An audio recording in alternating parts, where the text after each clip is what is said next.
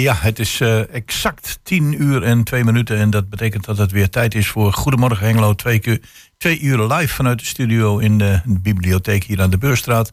Vandaag ook weer met heel veel interessante gasten. Een van de gasten zit inmiddels uh, in de studio tegenover ons. En uh, naast mij zit mijn collega Jan-Dirk Beltman en Gerben Hilberink. Die zorgden weer dat wij op tijd muziek draaien en dat de gasten gebeld worden voor de interviews. Ja, vandaag weer een uh, vol programma, hè? Ja, zeker. Uh, en uh, Jos hoorde u al eventjes bij de aankondiging, Jos Klasinski. Een vol programma met, zoals Jos al zei, Margaret Roelvink als eerste gast. de goede voornemens zijn gemaakt. 2024 is begonnen. En hoe gaan we zorgen dat daar wat van terecht komt? Ja, inderdaad. Nou ja, als je het hebt over positieve instellingen... er komt ook een heel mooi nieuw glossy, hè? ja, dat heet Hengelo Magazine. 1 maart verschijnt het eerste nummer, las ik. Ja, we hebben straks uh, Gijs IJsing, uh, ja, die uh, wel bekend is hier in de literaire kring in Hengelo. Gaan we daarover bevragen van hoezo is dat nodig? Een positief, of een magazine over positief ingestelde Hengeloers. nou ja, inderdaad. En um, ik geloof dat ze ook een aantal keer per jaar daarmee willen komen. Dus ik ben ja. benieuwd naar wat voor onderwerpen of ze gaan brengen. Dan hebben we een schrijfster, Saskia Tegels. Ze heeft een boek geschreven, Ontrafeld en je zou het een culturele roman kunnen noemen. Begreep ja, het gaat over haar tijd uh, in Zuid-Amerika. Dus ik ben uh, heel erg benieuwd. Uh, want ze is inmiddels weer teruggekeerd naar Nederland. Hoe ze dat daar heeft ervaren. Nou, dat allemaal in dit eerste uur. Het tweede uur besteden we aandacht aan schouwart. Daarvan is de opening van de nieuwe tentoonstelling vanmiddag. En we gaan ons ehm, richten op perikelen rondom stookkosten en verwarmingsketels. En dat doen we trouwens met Ben Gelen. Oké. Nou, laten we beginnen met, ik zie het hier staan. Heaven is a Place on Earth met Belinda Carlisle.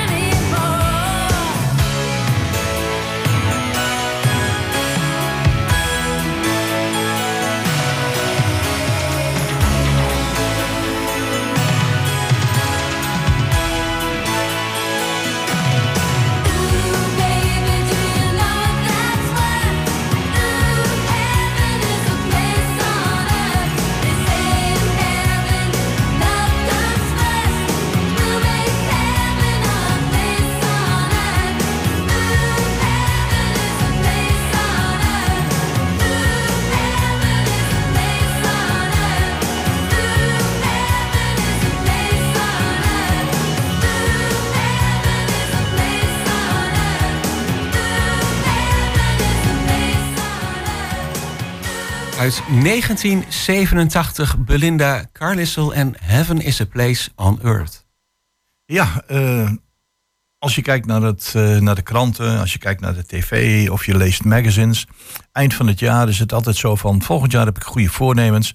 En stevast komt op die uh, lijst, of bijna altijd komt er op die lijst voor van gezonder of minder gaan eten of andere diëten. Nou, dan een week later staat de hele krant vol met dat dieet, dat dieet, dat dieet, dat dieet. Dat zijn allemaal wat men dan in de volksmond noemt yo-yo-diëten. En toen dacht ik van, laat ik degene die het echt weet even uitnodigen. Dat is onze diëtiste van het programma, Margaret Roeving. Margaret, uh, welkom. Goedemorgen. Ja, wat, wat, wat, uh, ja, wat, als je dat leest, hè, die goede voornemens en al die verschillende diëten. Ik weet dat jij daar een uitgesproken mening over hebt, maar wat, wat gaat er dan door je heen? Uh, mensen overvragen zichzelf. Hè? En dat vind ik zo zonde. Want die energie zou ik juist wat verder willen uitrollen. Om juist een aantal van die goede voornemens niet alleen voor te nemen, maar ook echt om te kunnen zetten in dagelijkse praktijk. En dan moet het in één keer op dag één gebeuren. Nou, eventueel dan op dag twee. En dan in één keer van ochtends, laat tot, van ochtends vroeg tot avonds laat als je in één keer ergens anders woont, ben iedereen is wel eens een keer verhuisd, of je begint aan ander werk, dan vind je dat al heel wat, dat dat heel anders is dan ja, wat je daarvoor deed. Bijna iedereen werkt geen 24 uur per dag, en zeker niet bij hetzelfde. Maar als je kijkt hoeveel uren per dag je eet en drinkt, ja, dat zijn er toch wel best behoorlijk veel. Dus als je in één keer dat helemaal op zijn kop zet, ja, dat iemand daarover gaat struikelen, dat denk ik eh, met de beste voornemens. Vind ik zo zonde van je energie. Probeer, hè, probeer een, een stukje daarin te zetten. De basishouding, prima. Hè, maak er wat beters van. Uh, maar alles op zijn kop zetten wil niet zeggen dat het daar beter van wordt. In ieder geval durf ik de voorspelling wel aan, zonder dat ik iemand ken, van dat ga je niet redden alsmaar. Want dat redt niemand als je in één keer alsmaar de hele dag allerlei andere dingen moet doen dan hij eigenlijk gewend is. Zomaar in één keer een compleet, totaal ander patroon. Dat is wel heel veel gevraagd. Ja, nee, je, je overvraagt jezelf. En, en uh, dan kun je zeggen van ja, hoezo? Bemoei, bemoei je er niet mee, dat weet ik dan zelf wel. Nou, ik zie het nou zo vaak en ik zie het hoeveel jaren gebeuren. En ik van joh, als je nou deze energie hebt om dit te zeggen van weet je wat, ik moet inderdaad zien dat ik eens wat meer groente binnenkrijg. En niet alleen dat ik een fatsoenlijk portie groente binnenkrijg op maandag en dinsdag. Maar een week heeft, uh, nou, over het algemeen zeven dagen. Uh, het aantal groentedagen daarvan. Het lijkt wel alsof die week steeds korter wordt. Kom je dat veel tegen, dat, dat mensen jou dat vertellen? Nou, uh, wel als ik het bewust navraag. in de opsomming, voor een gevoel, dan doen ze dat alle dagen.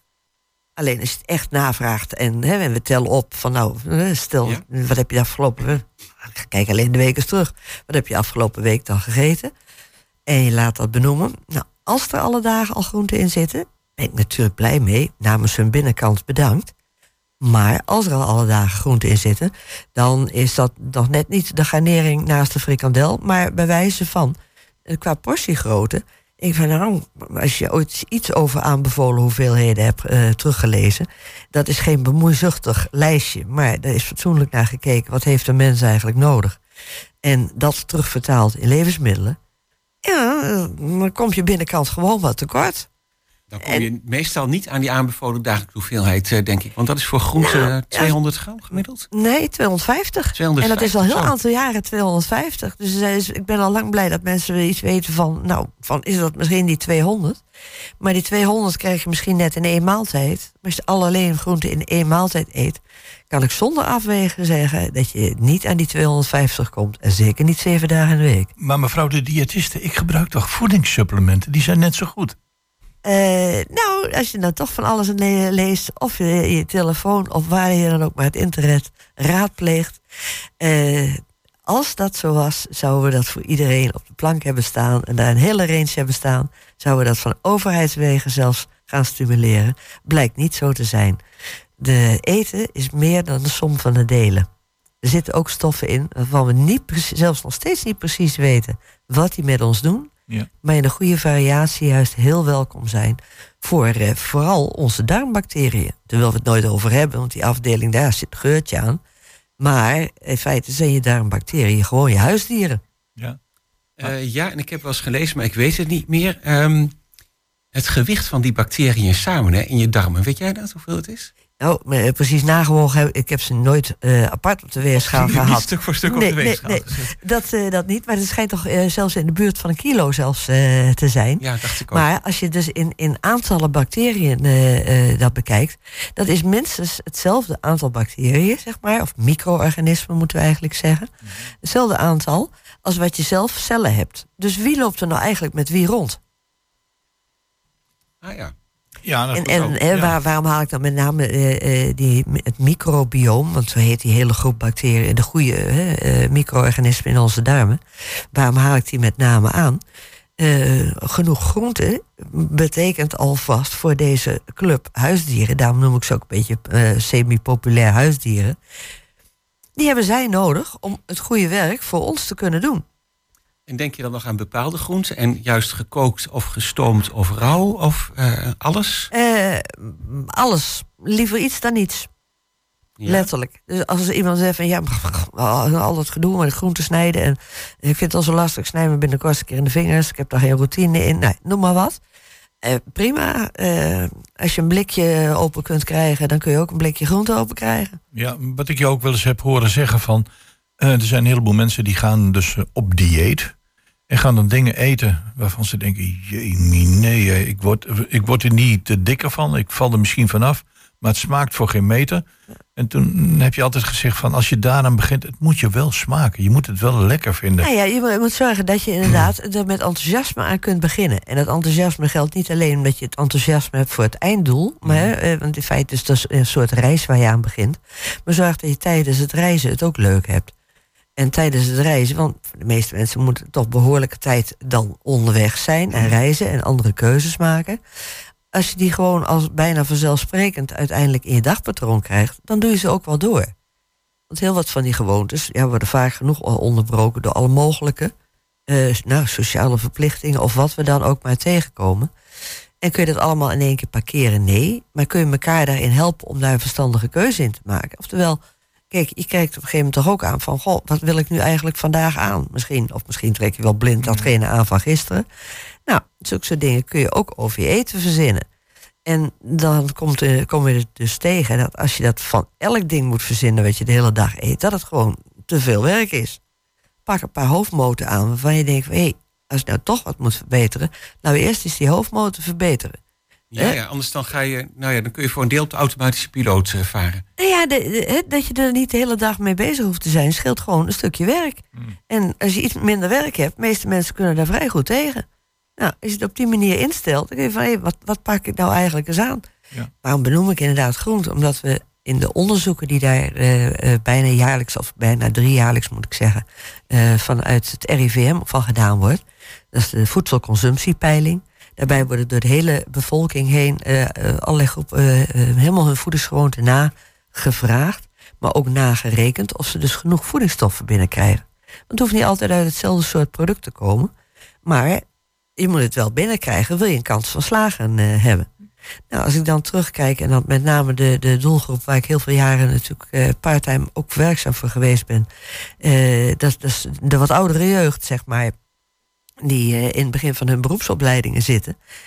Als ik dan zie dat die groep mm, al mas heel slecht uitkomen voor heel veel voedingsstoffen, mm. die dus in, gewoon in je eten moeten zitten, dan denk ik, nou, dan ben zelfs ik geneigd om te denken van, als je zoveel achterloopt, uh, nou, ik kan me zelfs voorstellen dat je voor sommige mensen niet eens de voeding alleen zou veranderen, maar zelfs tijdelijk ze zou helpen met inderdaad een supplement ernaast te zetten, omdat het anders veel te lang duurt voor verbetering. Uh, ik echt tekorten heb. Ja, maar wordt dat dan ook niet in de hand gewerkt door die enorme grote cateringbedrijven die je op de ROC vindt?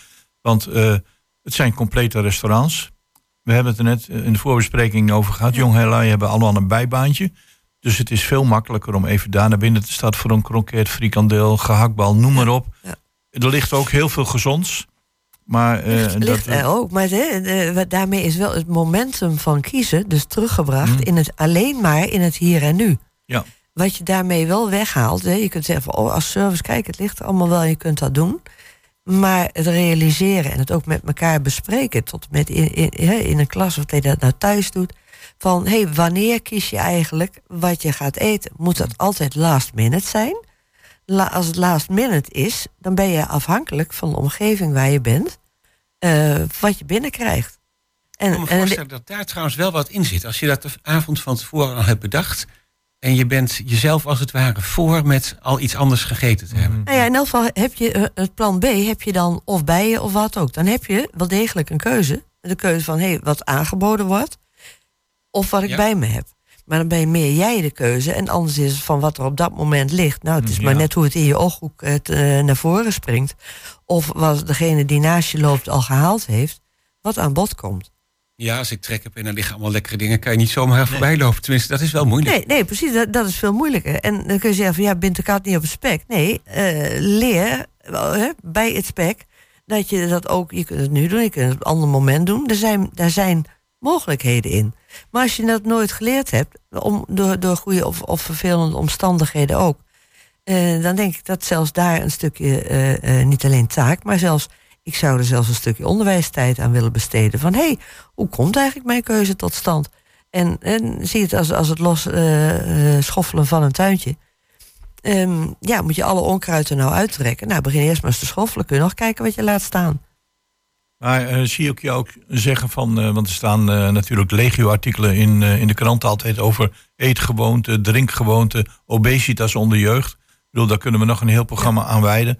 Zie jij dat ehm, dat daar een ommekeer in zal plaatsvinden? Of zeg je van het is een, ja, het, het, is een het is tijdsverschijnsel? Een het is een taaie materie. En het vervelende van een taaie materie is dat er, het is zo, we hebben alles zo gecreëerd dat het bijna je keuzes en wat je gaat doen afhankelijk is van alles wat vlak om je heen is. Dat op het moment dat iemand niet meer op één plek zit, maar op tien plekken op een dag, mm. je dus eigenlijk van tien plekken op een dag die voorbereiding moet doen. En hè, één of twee dingen kun je wel voorbereiden. Maar tien plekken op een dag voorbereiden vraagt of een systematische benadering. Of dus eigenlijk, nou, hè, wat, wat is het belangrijkste? Toch een prioriteit. Mhm. En dan kom ik dus weer terug bij mijn goede voornemens. Kijk eens even van, hé, hey, wat loopt er nou eigenlijk vreselijk uit de rails? En wat zou eigenlijk het meeste aandacht behoeven? Of, wat ook wel lekker is, wat heeft de grootste scoringskans? Als je altijd overal en nergens een bak suiker in doet, of de suiker achter je aansleept, of door iemand anders in je mond laat drukken. Uh, een beetje populair gezegd natuurlijk, maar uh, daar komt het wel op neer. Uh, ja, meestal hebben de meeste mensen niet zoveel energieverbruik op een dag dat dat nuttig is. Ja. Hè? Dus als je dat eens laat staan, ja, in elk geval, je kunt zeggen van ja, ik wil kilo's kwijt. Ja, prima. Maar zorg dat je de kilo's die er anders bij gegeten had, er vast niet bij krijgt. En het vervelende is, dat zie je niet in de spiegel terug. Dat zie je ook niet in de weegschaal terug. Ook dat moet je bedenken. Dus als je er nooit over nadenkt, zul je het nooit verbeteren. En uh, verbeteren, je binnenkant heeft daar uh, recht op. Je hebt er zelf recht op. We moeten gaan afronden, maar uh, heb jij nog in dat opzicht, want de boodschap is, is, wel duidelijk. Maar als jij nu de mensen die luisteren, die zeggen van ja, ik, ik, ik wil eigenlijk niet een dieet, maar ik wil toch gezond leven. In, kort zo samenvatten is van. Ehm, Ga erover nadenken en ga aan de slag. Ja, ga aan de slag. Uh, vers. Uh, eet fruit, maar drink het niet, bijvoorbeeld. Uh, groente, als je denkt van nou, ik heb al dat gekauw, dat is me niks waard. Eén staafmixer erop, je hebt een leuk soepje ervan, letterlijk. op die manier is het heel vlot weg te lepelen. er zijn echt mogelijkheden. En als je echt heel veel vragen hebt, of stuur ze nog eens in naar Radio Hengelo. Je mag er ook een mailtje uit doen, info.diëtisthengelo.nl of stel je even, hoor, al dat gedoe, weet je wat, ik bel liever even. 074 2 3 keer 700. Dan ga ik uh, proberen je antwoord te geven. Margret, bedankt. Heel mooi. Graag gedaan. Dankjewel.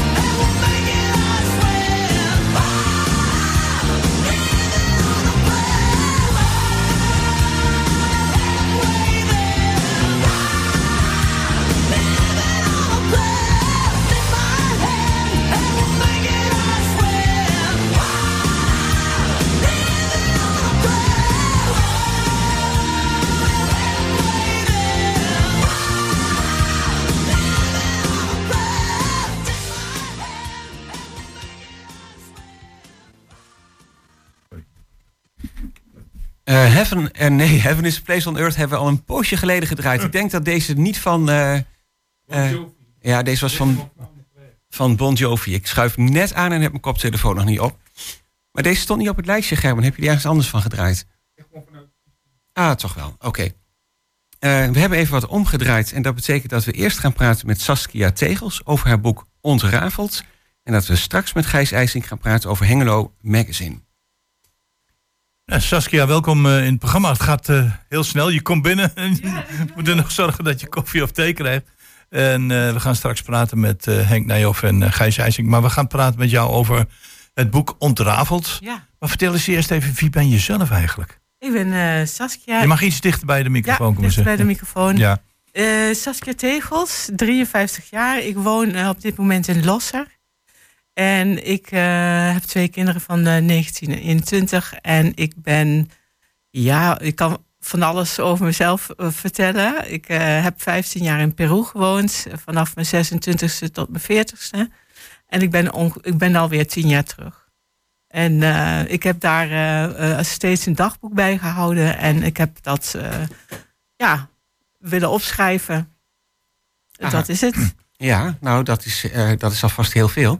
En um, je bent er dus eigenlijk lang geweest. Je hebt Peru uh, best goed leren kennen. Ja, dat klopt. Ja, echt, uh, mag ik vragen wat je er allemaal gedaan hebt? Ja, ik ben begonnen als stagiair bij het ministerie van Onderwijs. en hebben we daar veel workshops en trainingen gegeven. En ook Foster Parents Plan destijds. En dat heet nu Plan Internationaal. Oh ja. Ja, dus twee stages gelopen en toen ben ik eigenlijk gebleven. Ik heb daar mijn hele, hele werkcarrière ge, ja, beleefd, uh, in het toerisme terechtgekomen. Een eigen uh, bedrijf gehad uh, in het toerisme, een reisbureau. Maar tegelijkertijd ook een Nederlands schooltje opgericht voor mijn kinderen. En um, ja, en daarna ook met PUM, senior experts, gewerkt. Dus ik heb heel veel gedaan. Ja, lekker veelzijdig in ieder geval. Ja. En volgens mij had je antropologie gestudeerd? Of? Ik heb uh, Latijns-Amerika ja, literatuur en cultuur gestudeerd. Literatuur en cultuur, Ja. dat zit er wel dichtbij. Zitten wel dichtbij, want daar zitten En ook dan- vakken van antropologie bij. Dat klopt. Ja, precies. En de hoofdpersoon van jouw boek, eh, zij heeft antropologie gestudeerd. Ja, zij heeft dat gedaan. Ja. Oké, ja, want ja, ehm, dat vroeg ik me af. De hoofdpersoon Anna heet ze. klopt. eh, van het boek Ontrafeld, want daarvoor hadden we je uitgenodigd. Ja. Ehm, om daarover te vertellen. Ja. Ehm, heeft antropologie gestudeerd en gaat ook naar Zuid-Amerika, naar Ja. Peru. Ja, dat klopt. Ja. Dus er zit wel iets eh, persoonlijks in. Er zit zeker iets persoonlijks in. Daar put ik toch altijd wel uit. En eh, het, het- toch is het een algemeen verhaal van een, eh, een vrouw, een, een jonge vrouw die ja, een soort coming of age ontwikkelt in een ander land met een andere cultuur. En, en door mensen te kennen her- herkent ze zichzelf en leert ze zichzelf beter kennen. Ja, want eh, het, het, het, eh, je hebt gekozen voor ontrafeld. Ja. Dat is natuurlijk niet voor niets. Nee. Hè, want er is iets gebeurd, ook met jou in je leven. Want je hebt daar een hele tijd gewoond. Ja. En wil je daar ook mee een, een, een soort boodschap uitdragen van als mensen naar een ander land, en in dit geval Zuid-Amerika, met een totaal andere cultuur, Ja. zelfs binnen het land met veel verschillende culturen, zich wel moeten realiseren dat er een bepaald proces gaande is in je leven? Zeker, dat- wil ik echt eh, meegeven. Dat, dat eh, je, je komt als jezelf en je zet jezelf in een hele nieuwe cultuur. En dan ben jij, eh, eerst is het verwondering en, en daarna wordt er een heel ander proces. het leren kennen van, je, van jezelf door via andere mensen en via, andere, via eigenlijk de hele maatschappij. En hoe de maatschappij is, zo, kun je, je, zo beweeg je je dan ook langzamerhand naar iets nieuws van jezelf. Maar is het, is het, geeft het boek ook aan dat als je een bepaalde tijd in een land leeft, je mensen op een andere manier leert kennen, de mensen jou op een andere manier leren kennen, dat eh, dat, dat een aanpassingsproces nodig heeft? Ja. Kijk, want je hebt hier in Nederland ook, eh, ik heb daar zelf dan een voorbeeld van mensen die hier 20, 30, 40 jaar geleden zijn gekomen om te werken Ja. of om te studeren en hier nog wonen. Ja. Ja, die hebben zich ook getransformeerd in van ik heb een gedeelte van mijn eigen cultuur, maar ook een groot gedeelte van de cultuur van het land overgenomen. Ja. En daar kom ik sterker uit. Ja, klopt. Dat komt ook, ik, mijn, ik ben half Molukse, half Nederlandse en... ehm, En half Peruaanse. en nou ja, Peruaans, mijn kinderen zijn Peruaans inderdaad. Ja, Ja, Dus dat bete- betekent dat ik ook uit zo'n eh, een familie kom die, die dan, waar ik wat meer over wilde weten. Waar, waar- dit is ook wel mijn zoektocht naar eh, hoe, hoe pas ik in het leven en in de samenleving. En als je dat eh, op verschillende manieren kan ontdekken. In mijn eh, geval is dat Peru geweest, niet de Molukken zelf. Eh, dat komt nog, want dit heeft weer iets nieuws gebracht. Ik wil wat meer schrijven, ook over de Molukken zelf. Maar dit is Ah. echt, ja, dat is mijn toekomst. Met mijn, mijn nichten, die vinden- Ja? zijn er ook in geïnteresseerd. Maar dat is misschien iets voor een tweede boek? Dat is zeker iets voor een tweede boek. Dus dit is meer voor mezelf. Eh, vijf jaar heb ik hierover gedaan eh, om dat eh, op te zetten. Dus eerst in, de, in het verleden tijd, toen in de derde persoon en nu toch in de eerste persoon. Dus die ontwikkeling om een boek te schrijven was ook ja, helend voor mij. Ah, dus je Ja. tweede boek heb je min of meer voor jezelf geschreven ook? Dit boek, dit boek heb ik voor mezelf geschreven, omdat het mijn echte ervaring is. En daar- Ontrafeld? ontrafeld. Ja? En daarna heb ik nog echt wel plannen om, ehm, om naar bijvoorbeeld de Molukken te gaan ook. Om daar eh, eh, ja, mijn, mijn achtergrond, mijn moeders achtergrond te ontdekken. En dat op dezelfde manier eh, ja, te verwezenlijken. Dus de boeken, ja, dat is echt wel mijn passie. En dan, Ja, dan sta je er wel op een andere manier in. Natuurlijk in Zuid-Amerika heb je gewoond Ja. en je hebt gewerkt. Ja. Je kinderen zijn daar opgegroeid. Klopt. En de Molukken, eh, ja, dat blijft in je bloed zitten. Ja. Maar de afstand en de manier waarop je ernaar kijkt is natuurlijk heel anders dan Zuid-Amerika. Zeker. Dus het wordt ook een heel ander boek, denk ik. Het wordt een heel ander boek. En er was, is ook voor de vierde generatie. Dat, Ja. dat het niet eh, vergeten wordt. Want mijn oma is overleden. Die kan ons niet heel veel meer vertellen. Eh, ja, een van mijn nichten heeft een jong kind. En wij kunnen niet echt iets doorgeven. Dus Hm. ja, dat, dat zit er allemaal aan te komen. Ja, ja, ja. Je wilt ook niet dat het helemaal eh, in de vergetelheid gaat raken natuurlijk. Maar Ja, wie op dat boek wacht, die moet nog wel eventjes eh, geduld Ik moet nog hebben. even geduld hebben. Ik heb inderdaad de eerste. Er komt nog een tweede en een derde. Dus dat, eh, ik ben wel lang bezig dan. E- Ja. Even Ja. terug naar, eh, of, naar dit boek. Hè? Ja. Het Zuid-Amerika, Anna, Nederland. Eh, de vraag is, op een gegeven moment ga je een boek schrijven. Natuurlijk zit- is het licht autobiografisch, zou ik haast willen zeggen. Ja. Maar wat, wat, wat wil je aan de mensen, welke boodschap wil je via dit boek aan de mensen meegeven? Ja, een aantal boodschappen dat je. ehm, ik vond het heel eng om, ehm, om een boek te schrijven, überhaupt. Eh, eh, ik ben zelf. Waarom eigenlijk? Ja, je, je, geeft iets eh, bloot van jezelf. Dus de kwetsbaarheid. Dus ehm, ik kan niet anders dan putten uit mezelf. En dat is heel eh, kwetsbaar. Maar hoe langer ik schrijf, hoe beter dat gaat. Dus wat ik mee wil geven aan mensen. eh, als je iets eng vindt, maar echt heel graag wil, gewoon doen. Fouten maken, dat, dat doe ik aan de lopende band. Ehm, dit is ook geen perfect boek, maar ik, ik heb het gedaan. Ik vond het heel eng om voor grote groepen mensen te spreken. Om deze, dit boek uit te, uit te leggen. Ik heb een paar, eh, tien mensen gevonden die, waar ik me veilig voelde. En, en toen begon het. En daarna voor 30, 40 mensen. Dus ja, het, het, wat ik mee zou willen geven is... ehm, als je het graag wil, gewoon doen. Nou, dat is een mooie boodschap. En over wat je in Peru hebt ontdekt. Ja. Want het is natuurlijk Zuid-Amerikaanse cultuur, maar er eh, lopen ook nog lijnen naar de, de cultuur van, eh, nou zeg maar, voor Columbus. Ja. En eh, heb je daar nog iets mee gedaan of ben je daar nog eh, mee in aanraking gekomen? Ja, want eh, als, je, als je het boek leest, daar staat ook... je gaat van de hoofdstad naar het platteland hoofdstad... en daarna ga je toch de bergen in. En als je één persoon ontmoet, ontmoet je weer iets anders. Dus eigenlijk niet bij voorbedacht te raden dat ik daar naartoe ben, ben gegaan. Maar ik heb heel veel... ja, ik ben veel in aanraking gekomen met die culturen. Ja, en jouw hoofdpersoon doet dat ook weer? Om Die het even op het boek eh, te betrekken? Ja, die doet dat. Die doet dat. Ja. Nou, nou is in de laatste decennia, met name de laatste twintig jaar, is er een ontzettende tocht ontstaan naar Zuid-Amerika. En met name naar Peru. Oké. Oftewel de Andeslanden. Hè? Ja. Cusco, Lima, eh, Machu Picchu enzovoort. Eh, Ja. Dat wordt allemaal bezocht. Dat doet ook iets met zo'n land. Eh, heb, je, heb je daar zoiets van die massificatie van het toerisme richting Zuid-Amerika? Maar dat doet ontzettend veel. Hè? Eh, vind je dat een goede ontwikkeling? Ehm, alles is, ehm, alles eh, vooruit is goed. Alleen ru- dat er een rustig aan, als iets heel snel komt, dan is het nooit goed. dat, dat is altijd wel. en ik, ik merk dat ehm, het land als Peru was eerst eigenlijk. Eh, liever kun je daar. Je kon daar beter niet naartoe. En op Vanwege lichtend pad ja, bedoel je, vanwege ja. lichtend pad. En eh, op een gegeven moment eh, is het wat veiliger geworden. Mensen zijn gaan reizen. En dat doet het land wel weer goed. Als je, als je mensen krijgt die geïnteresseerd zijn. Maar het, over, het massatoerisme, dat, dat heeft wel effect gehad op.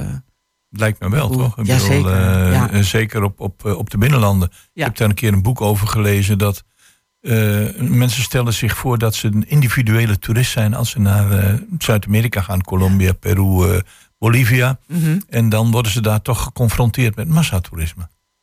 Ja, je bedoelt de, de ervaring van de westerse reiziger die dan eigenlijk teleurgesteld wordt. Ja, maar die Ja. zegt van, goh, ik kom daar in een land waar ik waarschijnlijk de Inca-trail alleen ga Ja. lopen of af en toe te- Ja. mensen tegenkom. En dan zie je overladen treinen, bussen, touringhuis, Klopt. noem maar op. Ja. En dat bedoelde ik met de massificatie van het toerisme. Ja, dat, dat krijg je wel inderdaad. Op een gegeven moment is eh, in, in mijn tijd is die Inca Trail was vrij toegankelijk. En nu zit er echt een stop op. En moet je een half jaar van tevoren moet je dat reserveren vanuit het land waar je woont. Ja, Dus dat- is ja. echt, eh, ja. Dat zal een verschil zijn tussen midden jaren. 90 en nu. Ja, zeker. Ja. En ook eh, de, de wandelaars kwamen daar veel. En nu is het heel, een hele andere soort eh, reiziger die op zoek Ja. is naar eh, ja, eh, authenticiteit. En de, en, en de mensen die nog echt puur zijn, de bergen.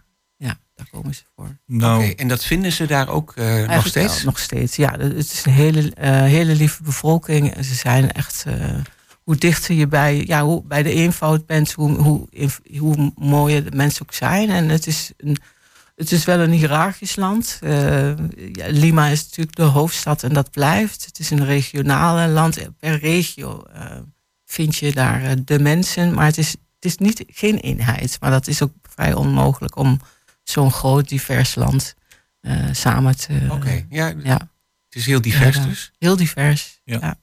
nou Het eh, is een prachtig land. we hebben het heel even gehad over, eh, over jouw boek. Ja. Ehm, en duidelijk dat daar een periode wordt beschreven in Zuid-Amerika, dat je daar hebt gewoond. De, de, mensen worden belicht, de verschillende eh, verschillen tussen de hoofdstad en het platteland en de cultuur enzovoort. Maar los daarvan heb je ook nog een soort eigen bedrijf. Hè? Je bent, bent heel erg ondernemend. Eh, los van het boek, kun je daar nog iets over vertellen?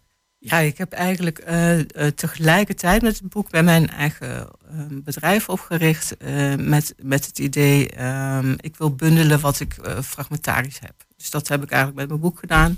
Fragmentarisch de, de spullen ehm ja, bijeengevoegd en ook met mijn bedrijf. Ik heb een bedrijf dat doet aan taaltrainingen, Mm. eh, Spaans, inburgering voor Spaanstaligen en coaching, live coaching. Dus dan heb ik eigenlijk mijn er- eigen ervaringen in een eh, coaching traject gezet. Ja, Eh, ja, en samen met boeken en taaltrainingen. Dus dat is een. eh, want je wilt de mensen die naar Nederland komen eigenlijk een beetje dezelfde ervaring laten ondergaan als de ervaring die jij in Zuid-Amerika had. Ja, ja, dat, dat zeker. Want het is, mijn lessen zijn dan ook heel, heel, heel op zijn Zuid-Amerikaans. En dan, ehm, ja, dan krijg je mensen mee, die vinden het leuk. En andersom ook, Nederlands voor inburgering. Ehm, als je hier in Nederland bent, dan mis je je eh, warme Peruaanse of eh, ja. Zuid-Amerikaanse achtergrond. En dan probeer ik het zo te brengen dat het heel, heel leuk is ook voor degene die inburgeren op hun eigen manier pak ik dat aan. Dus op, op, op eh, zijn Saskia's. Ja, Ja. ja. dus niet. Op ja, die manier. ja. Niet volgens strak stramien van een inburgeringscursus. Nee, daar word ik Ja, zelf ja, ook ja, ongelukkig ja, ja, van. dus, ja, eh, maar jij giet daar je eigen sausje overheen. Ja. Klinkt een beetje als iets persoonlijks en een beetje losjes inderdaad. eh, Ja, dat ja, je dat, probeert eh, aan te pakken. Ja, precies. Omdat ik dat zelf ook eh, een prettige manier vind voor mezelf. Want anders raak ik in de war. Het structurele van Nederland vind ik ook heel prettig. Want dat geeft ook eh, heel veel... eh, ja, het geeft gewoon veel lucht. Het is een combinatie. Altijd in balans. Dus het balans zoeken tussen eh, dit en dat. Cultuur dit, cultuur dat. eh, stad, het platteland. Dat komt altijd wel als een rode draad in alles. Ik, ik, Ja, ik kan me voorstellen. ik heb van mijn kant nog een laatste vraag. Ja. Eh, De mensen die nu zitten te luisteren en eh, zeggen van... goh, ik- misschien moet ik het boek van Onderavond wel, eh, wel aanschaffen.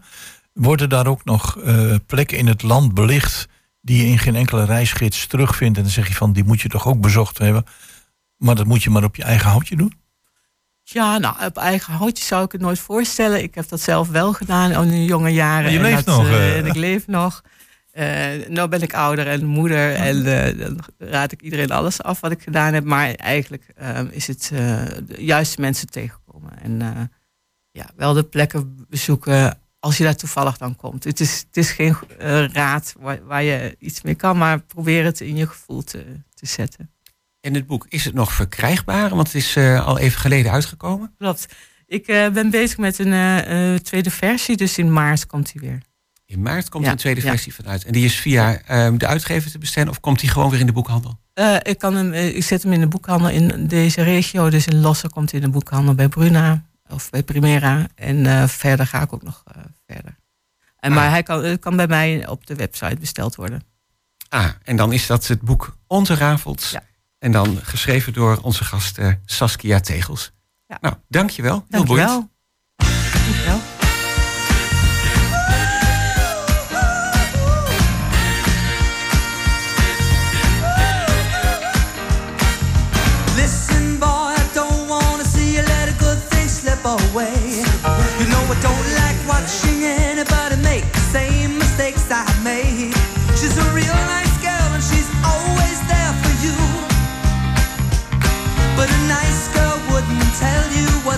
Oh, listen, boy, I'm sure that you think you got it all under control.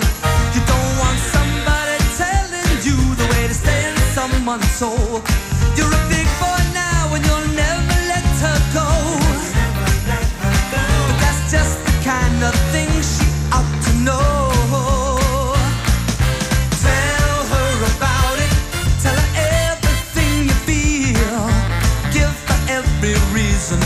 That you're for real. Tell her about it.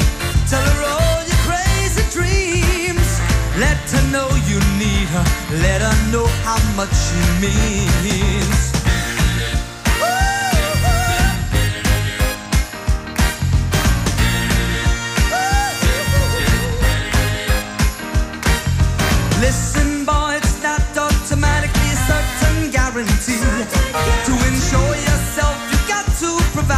Communication constantly. When you love someone, you're always insecure. And there's only one good way to reassure.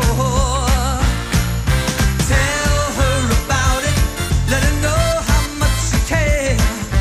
When she can't be with you, tell her you wish you were there.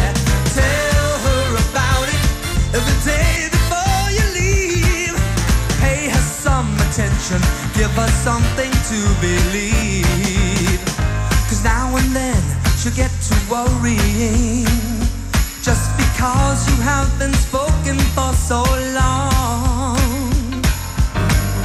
And though you may not have done anything, will that be a consolation when she's gone?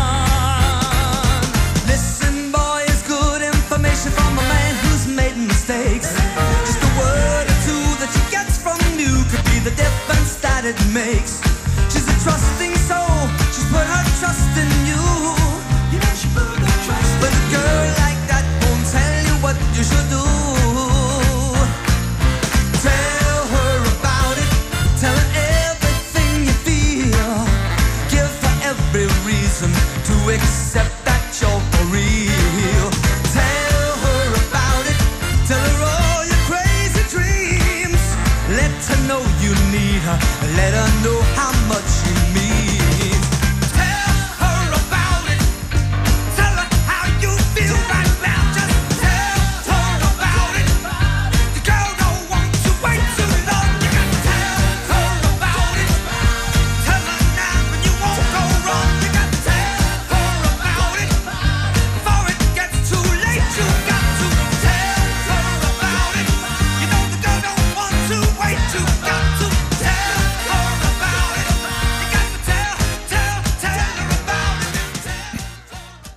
Billy Joel en Tell Her About It. En dan eh, gaan we naar ons volgende item. Ja, we horen het wel vaker als je mensen vraagt die uit Hengelo komen van eh, wat vind je van je stad? Nou, er is een tijd geweest eh, voor het Marktplein en de tijd na het Marktplein. En voor het Marktplein, ja, moi, moi, moi, kon allemaal beter, dit en dat.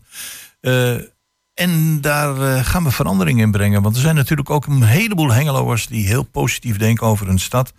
En eh, onze volgende gast, Gijs IJzink, weet er alles van. Hij heeft ooit een keer een eh, prachtig boek uitgebracht van eh, het mooie Hengelo. Maar nu staat er een nieuw magazine, op stapel. En Hengelo Magazine, en ik zie het, citeer even de, de krant, wil afrekenen met azijnpissers. Gijs IJzink, welkom in het programma. ja, ik, ik, ik zag je denken van, heb je deze titel bedacht of niet? Hengelo Magazine. Nee, eh, oh, je bedoelt de azijn... azijnpissers. Nee, dat is van de bewuste collega die dat geschreven Ja, heeft. net de zeggen, dat, Tubantia. Ja, ja. Eh, Hengelo Magazine, eh, je zegt van we, we lopen met een idee rond om eh, een aantal keren per jaar een prachtige glossy, een mooi magazine uit te brengen. En gaat dat dan specifiek over één Hengeloer die praat over zijn stad? Of laat je daar meer mensen aan het woord komen en hoe, hoe wordt dat gestalte gegeven? Nou ja, de, de- het woord zegt het al, een magazine. Dus dat is een variatie van, van, van, van, interviews, reportages, eh, historische verhalen, columns, mooie foto's. Dus allerlei journalistieke genres kun je daarop loslaten. Ja, want eh, met name de mooie foto's, eh, daar heb je mensen voor gevonden die dat vorm gaan geven. Hè? Zeker. Maar de, de achterliggende gedachte is dat van het positieve brengen van deze mooie stad?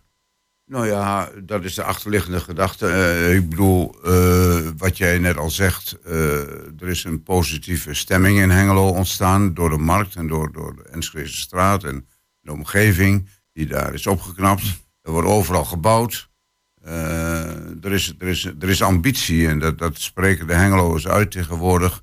En ja, en dan past zo'n magazine daar heel mooi bij. Dat is een mooie bonus daarbij voor de, voor de stad. Ja, en nou klinkt het heel breed, Hengelo Magazine. Ja. Gaan jullie richten op, nou je noemde al wat eh, geschiedenis, ehm, activiteiten, wat er in Hengelo speelt. Heb je al een beetje een beeld van wat er in dat magazine aan bod moet komen? Ja, we, we, zijn, we zijn wel eh, journalisten die het gaat maken, gaan maken. Dat betekent dus dat we de lat vrij hoog leggen. En eh, we gaan dus ja, we gaan ontwikkelingen die er zijn, interviews. We, we hebben een Hengeloer die zijn hoofd boven het maaiveld uitsteekt.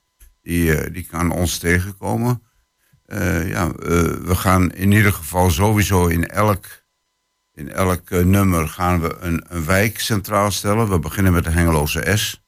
Eh, zo hebben we wat, wat rubrieken ook bedacht. eh, om, daar, om, om een zo breed mogelijk scala te krijgen Hm. eh, van, van de stad. Ja, want er komt natuurlijk best veel bij kijken qua voorbereiding. Jos noemde het al, eh, je moet mensen hebben voor de fotografie. Ja. Eh, journalisten om dit eh, te schrijven. Je wilt een lat vrij hoog leggen. Kun je uitleggen wat je daarmee bedoelt? Ja, wat, eh, dat, ik dus, dat we dus in ieder geval ehm, ehm, eh, gekwalificeerde journalisten inzetten. En ook eh idem dito de fotografen. Er wordt gewoon goed gekeken van kan die een goed verhaal schrijven? Kan die de quintessens halen uit, eh, uit een interview, et cetera, et cetera. Ja, precies. Zij, hij oh, de- of zij. hij of zij, het niveau van de interviews en van de artikelen, dat, eh, dat jullie streven naar diepgang. En, en, Oké, mooi. en jij zegt eh, Veelbelovend. mensen die, die het hoofd boven het maaiveld uitsteken. Nou, nou zijn wij tukkers niet gauw geneigd om dat te doen. Want dan eh, gaat je kop eraf. Eh, doe maar gewoon, of doe maar, eh, ja, doe, dan ben je al gek genoeg. Eh, maar eh, wat moet ik me met hoofd boven het maaiveld Nou, uitsteken? vertellen, we hebben een rubriek. Eh, die heet Hengeloze Helden. Ja, Dat zijn, daar komen mensen in, die worden op een mooie manier gefotografeerd ook. Door een speciale fotograaf die, die, die dus gespecialiseerd is in portretten. ja. En die, dat zijn hengeloers die dus eh, ineens landelijk op de een of andere manier in het nieuws zijn. Of al een tijd in het nieuws zijn. Neem bijvoorbeeld Wieke Kaptein, de voetbalster van het Nederlands elftal. ja. 18 jaar, hier uit Hengelo. Gaat volgend jaar bij Chelsea spelen. Speelt nu bij FC Twente. Neem de twee koks van het Lansing, die onlangs Nederlands kampioen zijn geworden. ja. Eh, dat, dat soort, dat soort eh, eh, Hengeloers, die, die eh, komen voor die rubriek in aanmerking. Ja, ik voel ook een zekere overlap eigenlijk wel met ons programma. Wij hebben toch ook vaak Hengeloers te gast die, eh, nou, de twee koks bijvoorbeeld, heel recent, ehm, ehm, die in beeld zijn of een boodschap hebben aan anderen in Hengelo. Ja, want, want er is natuurlijk op kunstgebied ook heel veel gebeurd. We hebben de Mullerwerf erbij gekregen. We Ja. hebben sinds eh, een bepaalde periode... en een van de gasten die zit inmiddels op de publieke tribune... de schouwaard erbij gekregen. Dus Ja. in dat opzicht groeit er in Hengelo natuurlijk ook heel veel... en kun je met je magazine heel breed aanpakken. Ja, natuurlijk. De on- onderwerpen die liggen, liggen voor toch. In wezen zit in iedere Hengelo een verhaal. Dat is, het- dat is het uitgangspunt. Ja. Nou, dat is een heel mooi uitgangspunt. En dan Ja. ben je zelf ook eh, journalist van huis uit? Ja. En dat betekent ook dat je mee gaat schrijven? Of eh, Ook, ik ga meeschrijven, ja. Zeker. iets vertellen over jouw rol? Je hoofdredacteur ja, van? ja, goed. Ik, eh, dat is, eh, als je de, de redactie leidt, dan moet je natuurlijk alles uitzetten. Mhm. Dus ik ben druk met, met vooral als, je een blad opstart, zoals wij nu aan het doen zijn, dan Mm. komt daar heel veel organisatorische gedoe bij kijken. Dus dat, dat, dat moet ook gebeuren. Maar ik schrijf ook mee. Ja, ik schrijf, eh, ik, schrijf ik, ik heb eh, meegedaan met een interview. Dat hebben we met ons tweeën gedaan, een collega Bob Gevers en ik. En we, we, ik, ik schrijf kortere dingen. Ik, ik, stuur mensen aan. Ik zeg, ik zeg wat ze moeten. Wat, wat we van ze verlangen, et cetera. Ja. En, is het Precies, nu, ja. en is het nu ook zo dat jullie zeggen van... wij kennen de Hengeloze maatschappij... we kennen een heleboel ja, interessante, boeiende Hengeloers... maar ook mensen die bijvoorbeeld zich, zichzelf niet op de voorgrond stellen... maar wij zien als een soort helden. Wij gaan op zoek. Of is het ook andersom dat mensen zeggen van... goh, ik heb ook iets leuks te melden. Mag ik in het magazine? Nou, ik zal je vertellen. Vorige week, eh, vrijdag of zaterdag, stond er dat artikel in de krant. dat er een magazine komt. En sindsdien eh, hebben eh, mijn collega Bob Gevers. nog, nog een paar anderen, ook van het bestuur. mensen die erbij betrokken zijn, die in de krant genoemd werden. en ik zelf vooral. We hebben tips gekregen van alle kanten. Van, kun je aandacht besteden aan ons? Wij gaan de garage verbouwen. Kun je daar aandacht aan besteden? Eh, eh, ja, eh, allerlei tips hebben we gekregen. Er was een mevrouw uit het tuindorp, die stuurde me gewoon vier, vijf onderwerpen waarvan ik dacht bij mezelf, goede onderwerpen. Nou ja, ik, Oh ja, Leuk. kijk, nou, dat is toch heel Leuk mooi. Dus dan gaat het meteen leven eh, als het bekend Ja, is. het is meteen gaan leven, dus kennelijk is, is, vinden de mensen het interessant dat er, dat er, eh, dat er zo'n magazine komt. En nou ja, goed, we komen vier keer per jaar uit. Dus dan moeten we dus eh, zuinig zijn op het, op het dure papier. En- Maar daarnaast Ja. hebben we ook nog socials, dus eh, we kunnen van alle kanten kunnen, we- kunnen we daar wat Want mee ik, doen. ik, ik zou je van harte uit willen nodigen bij een kop koffie of twee koppen koffie of misschien wel een hele kan. Om de gastenboeken die wij hier hebben liggen van de mensen die in ons programma te gast zijn geweest. Om die verhalen eens door te lezen. ja. En dan zie je dat we toch in, in, in deze gemeenschap van eh 80.000 inwoners een heleboel markante mensen hebben. Die, eh, die een verhaal hebben, of het nu klein of groot is. Dus ik nodig je daar van harte toe uit om dat eens een keer eh, op je gemak door te lezen. Zeker interessant. En dan, eh, dan kom je een aantal namen tegen waarvan je zegt: hé, hey, de Hengeloze gemeenschap is toch rijker dan ik eh, misschien zelf als. Oh nee, maar dat is gewoon. Dat- De Hengeloze gemeenschap is niet rijker dan we gedacht hadden. Die is gewoon rijk. En dat is ook de Almeloze gemeenschap en dat is ook de Holtense gemeenschap. Ik bedoel, overal wat ik zeg, in ieder mens zit een verhaal. en meerdere verhalen misschien wel. Eh, maar de- die komen niet aan de oppervlakte als je, als je ze niet triggert. nee. Nee, precies. En als dat je, en als je geen antennes uit hebt staan. Hè, eh, journalisten, ik bedoel, ik ben mijn hele leven journalist. Eh, die hebben altijd antennes uitstaan. En er komt altijd wat op. En dan noemde je eventjes Facebook, want het is een magazine, maar het- jullie gaan het wat breder trekken met een Facebook-site erbij. En Facebook, LinkedIn, eh, eh, Instagram, Twitter, podcast, TikTok. We gaan alles doen. Oké, Een heel breed platform. en dat wordt ook eigenlijk per 1 maart langzaam eh, uitgerold. Ja, ja die, die socials sowieso. Eh podcast zijn we nog mee bezig. Dat, eh, we hebben wel een studio al gevonden daarvoor, maar we moeten dat natuurlijk nog, nog verder ontwikkelen. Er komt ook zoveel tegelijk op ons af nu. Eh, en wat vooral belangrijk is, dat is natuurlijk dat het allemaal financieel moet kunnen. En wij hebben eerst een financiële basis moeten creëren door advertenties, door advertorials, door donateurs.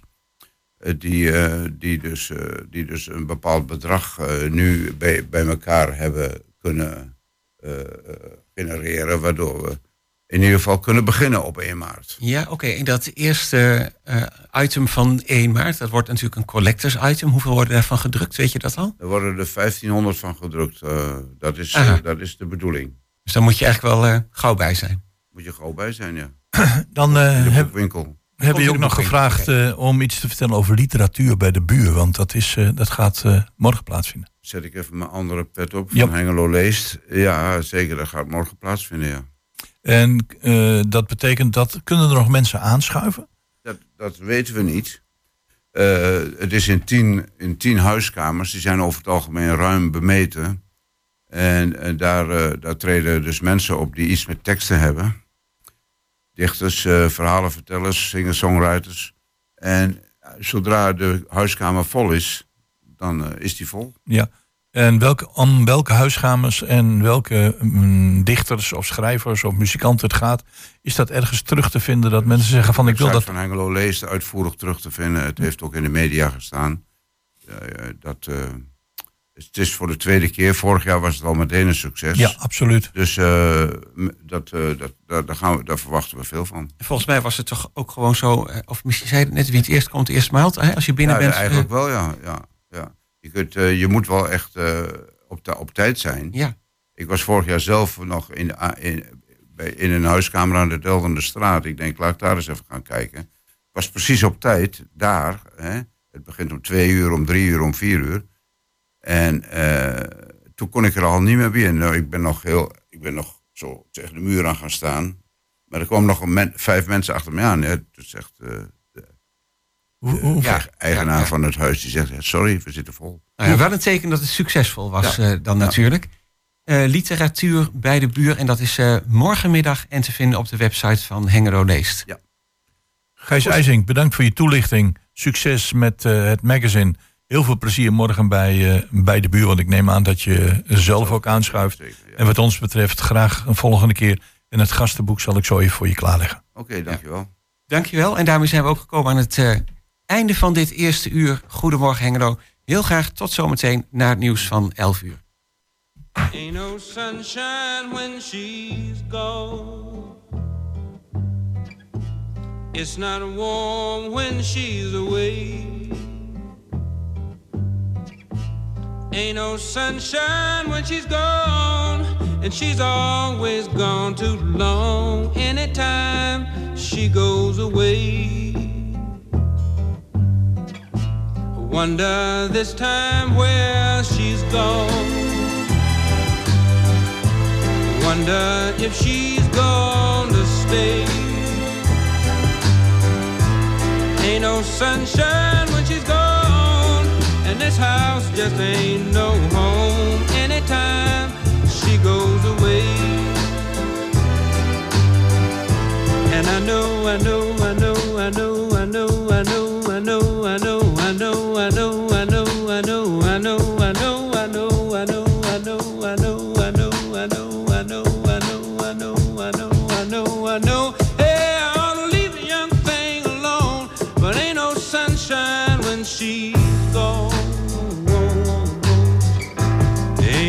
sunshine when she's gone. Only darkness every day. Ain't no sunshine when she's gone. And this house just ain't